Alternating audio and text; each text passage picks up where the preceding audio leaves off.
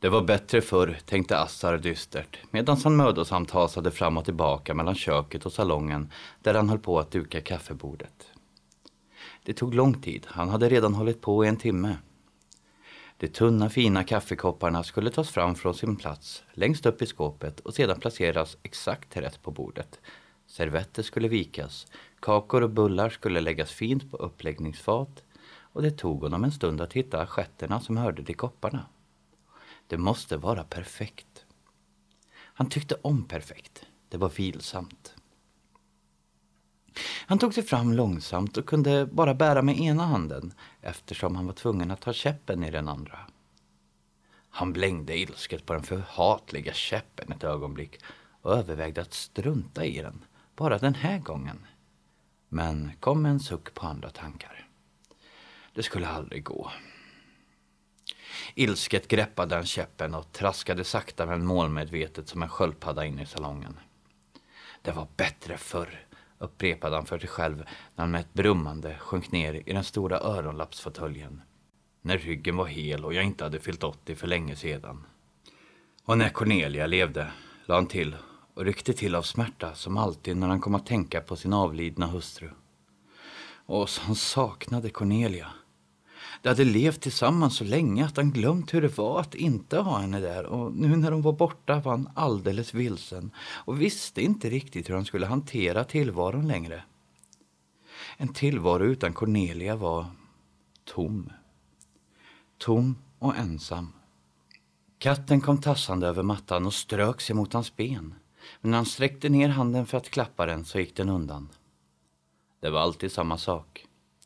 Den hade alltid tyckt bäst om Cornelia. Legat och spunnit i hennes knä, jamat en glad hälsning varje morgon. Buffat med sin lilla mjuka nos på Cornelias hand när hon sträckte fram den.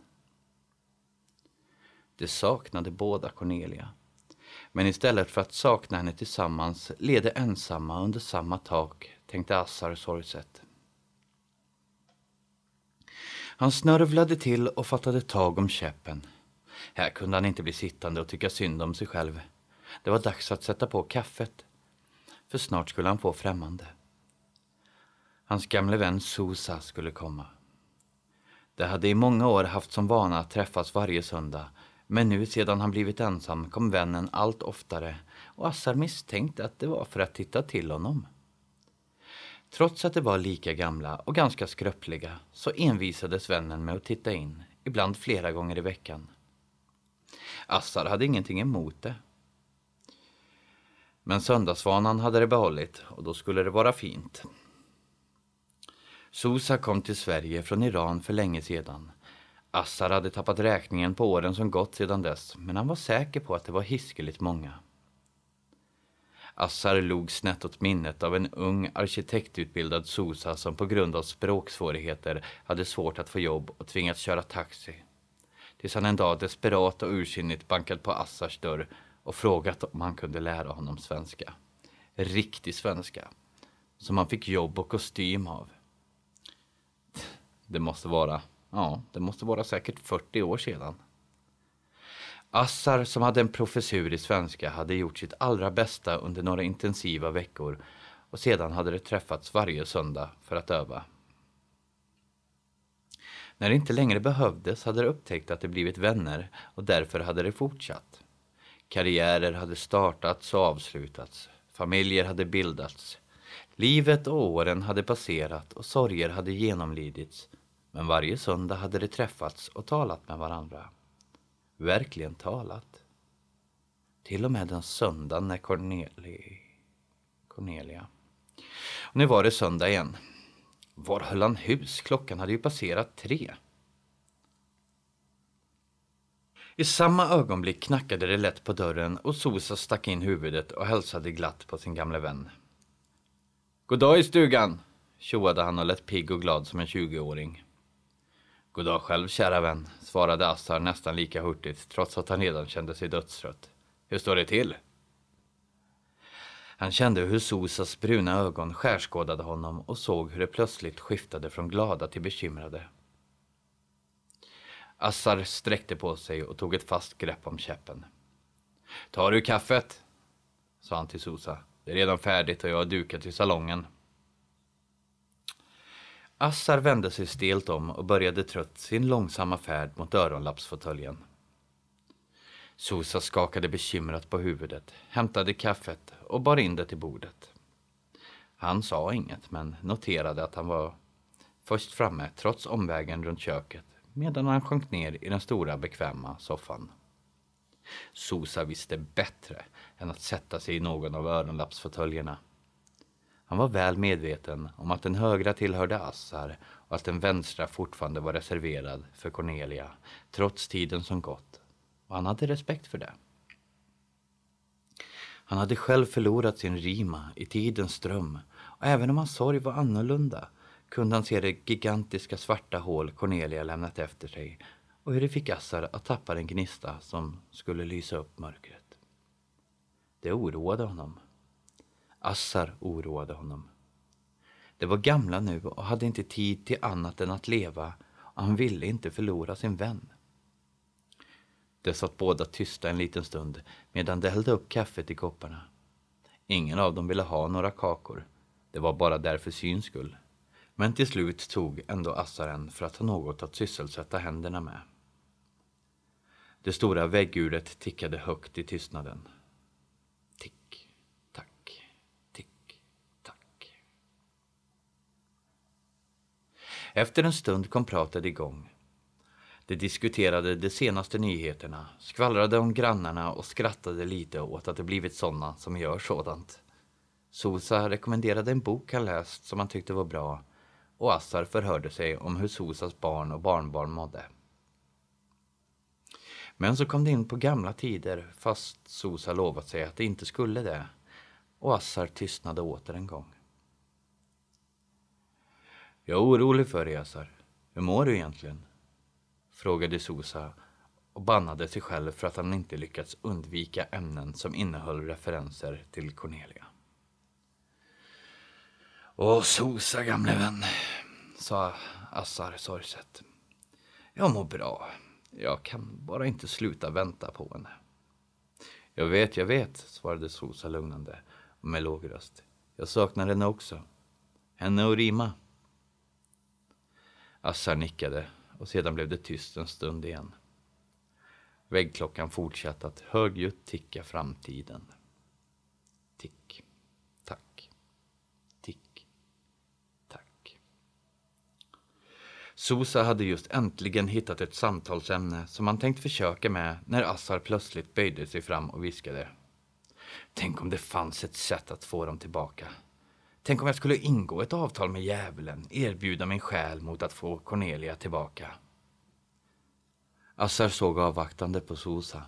Så mycket berodde på hur vännen skulle reagera på det han sagt. Vänskapen, framtiden, ja nästan allt. Om Sosa inte tog honom på allvar eller rent av skrattade åt honom skulle Assar ha mycket svårt att förlåta honom. Sådana avtal hade ingåtts förr, det visste han. Och även om han inte var beredd på att det var möjligt i verkligheten så var han beredd att försöka. Sosa kliade sig fundersamt i huvudet så att det lilla som var kvar av hans vita kalufs stod rakt ut som en gloria. Och sedan svarade han. Jag tror inte att du skulle ha någon glädje av att få Cornelia tillbaka om du sålt din själ till djävulen, Assar. Assar lutade sig tillbaka i fåtöljen och kände spänningen släppa. Nej, kanske det, kanske det, mumlade han. När jag var barn, återtog Sosa med ett svagt leende, brukade min farmor berätta för mig om hur man behåller de döda. Man kan bevara dem, tala med dem, få dem att inte vara så borta. Hur då? Frågade Assar, men utan någon vidare entusiasm. Hon lärde mig ett par ord som man ska uttala och sedan måste man säga namnet på den saknade, sa Sosa med ett snett leende. Hon menade att man bevarar dem i sitt hjärta, tillade han snabbt. Åtminstone har jag alltid trott att det var vad hon menade. Farmor bodde uppe i berget och vi träffades inte särskilt ofta. Hon talade med dialekt som jag hade svårt att förstå så jag vet egentligen inte riktigt säkert vad hon menade eller varför hon tyckte att det var lämpligt att tala om sånt med ett litet barn. Jag kan ju inte ha varit äldre än sex eller sju år, fast jag blev inte rädd. Hon sa det så naturligt och inte alls dramatiskt. Men pappa blev arg, minns jag. Han såg åt henne på skarpen att låta bli att tuta i mig en massa vidskepligt trams. Assar, som lyssnat noga till sin väns långa utläggning, hävde sig upp med hjälp av käppen. Jag antar att du också vill ha påtår sa han, greppade kannan med sin lediga hand och stapplade iväg mot köket. Sosa ville egentligen inte det. Men han hade sett den hoppfulla glimten i Assars ögon och hade inte hjärtat säga nej. Istället började han genast oroa sig. Han skulle inte ha berättat det där. Åtminstone skulle han inte lagt fram det på det där sättet och i det här sammanhanget. Nu hoppades Assar på det omöjliga. Att han skulle kunna kalla tillbaka Cornelia. Det var inte alls så det var menat. Han hade ju bara velat trösta Assar med att så länge han tänkte på henne så skulle hon finnas där. Det hade kommit ut så fel. Som ett löfte om någon sorts magisk formel. Sosa skämdes. Nu skulle han bli tvungen att göra sin vän besviken. När Assar äntligen kom linkande tillbaka med den påfyllda kaffepannan sjönk han ner i sin stora fåtölj igen, rättade till glasögonen som halkat lite på sned. Utan att fylla på kopparna lutade han sig bakåt med ett ljudligt stön. Det var bättre förr, pustade han grinigt och slöt ögonen några sekunder. Susan nickade medhåll och fyllde själv på kopparna med kaffe, socker och tjockt grädde, fast han inte ville ha något av det. Nå, sa Assar efter att han sörplat i sig halva koppens innehåll. Fungerar det? Vilket då? frågade Sosa som ville dra ut på tiden för att formulera sig rätt den här gången. Det du nyss berättade, det din farmor berättade, fungerar det? Har du försökt? Du missförstod mig nog, svarade Sosa försiktigt och var svårt frestad att skylla på språksvårigheter trots att de båda två visste att det var åratal sedan han hade några sådana. Jag menade bara att så länge du minns henne så bevarar du henne i ditt hjärta alltså, skyndade han sig att lägga till. Ja, ja, sa Assar otåligt. Men har du provat? Har du sagt orden? Jag har inte behövt. Jag minns ändå. Min sorg är annorlunda, påminde Sosa stillsamt. Vilka är orden? frågade Assar tvärt. Lär mig orden. Sosa tvekade. Han tyckte att han rättat till sitt tidigare misstag och hoppades att det skulle räcka så, men han var inte säker. Han var inte heller riktigt säker på att han mindes orden rätt, men tänkte han, det spelade egentligen ingen roll. Orden kunde nog vara vilka som helst egentligen. Det var mer som ett mantra för att kunna fokusera bättre på den man saknade. Det viktiga var att man trodde. Så slutligen böjde sig Sosa fram och viskade dramatiskt två ord i att köra. Assar rätade på sig. Den hoppfulla glimten var tillbaka och med hög och tydlig röst upprepade han de två orden och avslutade med Cornelias namn. Tystnaden bredde ut sig över salongen som ett tjockt, dunigt täcke och det enda som hördes var åter en gång den gamla klockan som kämpade sig vägen fram över urtavlan sekund för sekund, minut efter minut. Sosa skruvade olustigt på sig där han satt i soffan. Det här kändes inte bra. Eh, minns du henne bättre nu? frågade han till sist. Hon är fortfarande borta, svarade Assar och såg besviken ut. Ja, vad trodde du? sa Sosa och böjde sig fram för att klappa Assar tröstande på handen. Det sker inga underverk. Ute började skymningen falla. Det var dags för Assar att tända sina lampor och det var dags för Sosa att gå hem till sig. Assar kom på fötter och började plocka av bordet och Sosa gjorde vad han kunde för att så diskret som möjligt hjälpa till med det samtidigt som de pratade om mer vardagliga saker.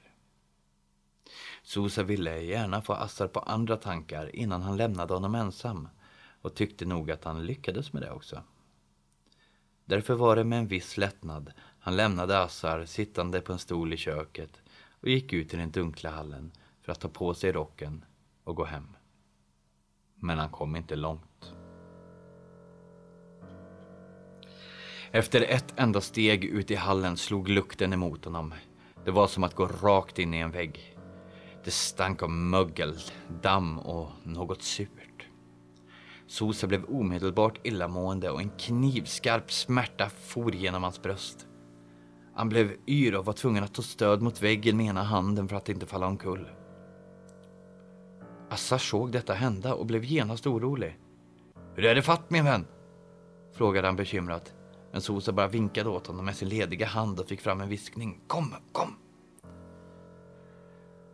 Så fort Assar närmade sig vännen kände han också av den hemska stanken och fick genast en otrolig smärtsam huvudvärk. Det gick blixtsnabbt. I ena sekunden kände han stanken, i nästa hade han en sån fruktansvärd huvudvärk att även han var tvungen att ta stöd mot väggen. Titta Assar! pressade Sosa fram och nickade mot hallens andra ände där dunklet var som tätast. Assar följde Sosas blick och förstod först inte vad det var han såg. Det stod någon där. Intryckt i hörnet, med ryggen mot dem och huvudet nedböjt som ett barn i skamvrån. Assar såg frågande på Sosa som nickade. Jo då, han såg också. Plötsligt förstod Assar. Cornelia? sa han frågande med lätt darrande röst. Är det, är, är det du Cornelia? Assar tog ett stapplande steg, men Sosa grep tag i hans arm och hindrade honom. Vänta, väste han. Var försiktig. Cornel Cornelia, upprepade Assar, högre och säkrare denna gång. Figuren vände på sig, men det gick otroligt långsamt, som om luften var sirap. Och nu rådde det inte längre några tvivel om att det var Cornelia som stod där med händerna bakom ryggen och huvudet på sned. Stanken var nu nästintill outhärdlig och det tryckte i öronen ungefär som när man flyger. Båda mådde nu illa, båda hade huvudvärk och båda var tvungna att ta stöd mot väggen för att inte falla omkull. Cornelia tog ett torrt, pappersprasslande steg framåt och öppnade munnen. Men istället för ord kom ett helt annat ljud flytande ur hennes öppna mun. Ett vasst, snabbt knattrande. Ungefär som när man blandar en kortlek eller fäster spelkorten på ekrarna i ett cykelhjul, tänkte Sosa och såg samtidigt Assar ta ett förvånansvärt smidigt steg bakåt. Det är inte hon, Sosa. Vad är det där för någonting? viskade Assar. Jag vet inte, väste han tillbaka. Det visste han inte. Han visste inte vad det var, hur det hamnat där eller om det på något sätt var de som framkallat den här Cornelia-figuren. Kanske var det det här som hans farmor försökt berätta för honom. Det enda han var riktigt säker på var att detta inte var Cornelia. Det här var något helt annat. Någonting du måste försöka sända tillbaka dit det kom ifrån. Det, det kanske är vad hon har blivit, viskade Assar. Sosa svarade inte, men rös inombords av blotta tanken på det. Men alternativet var ännu värre.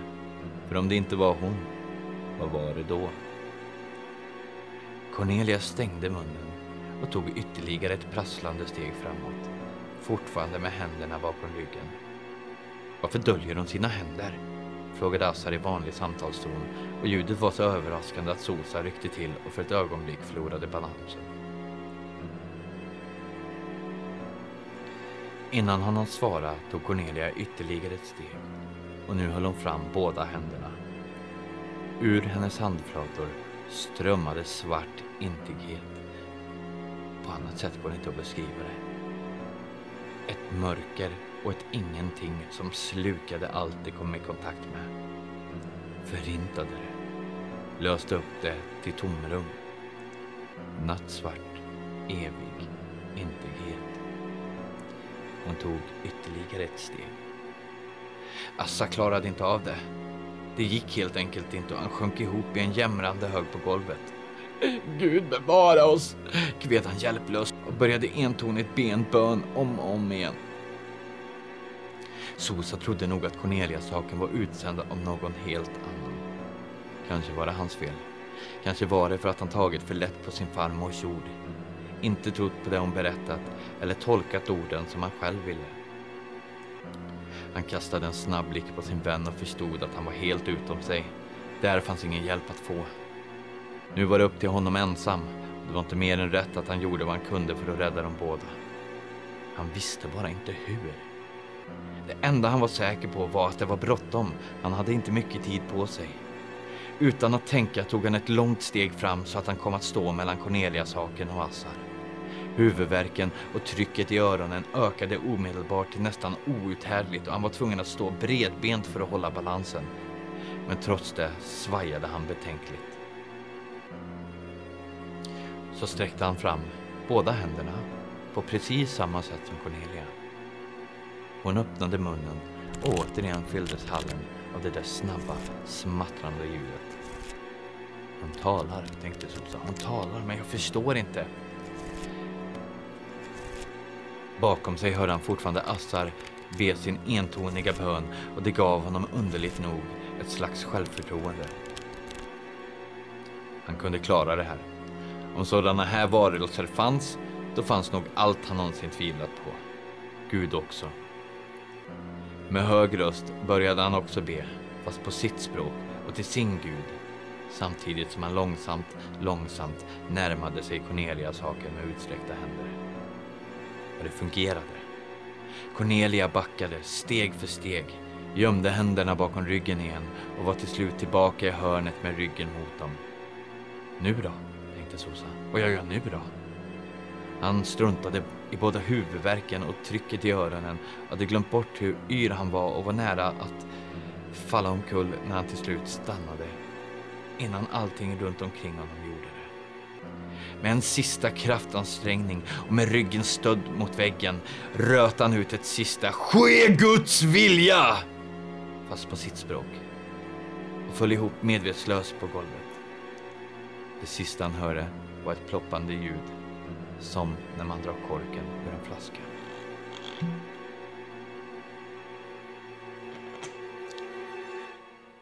Sosa vaknade till av att ambulanspersonal lyfte över honom på en bår och bar ut honom genom den öppna ytterdörren. Men han var så medtagen att det var först när det var framme vid sjukhusets ambulansintag som han samlat kraft nog för att orka. Assar, viskade han svagt. Vadå? svarade den hurtiga sjukvården och böjde sig över honom för att höra bättre. Sosa tog sats. Assar, viskade han ännu en gång. Jaha! Assar, svarade sjukvården. Ja, oroa dig inte för honom du. Jag har tagit hand om både honom och hans fru. Hon var riktigt duktig som orkade larma ambulans fast hon var så chockad. Sosa slöt ögonen och började be igen.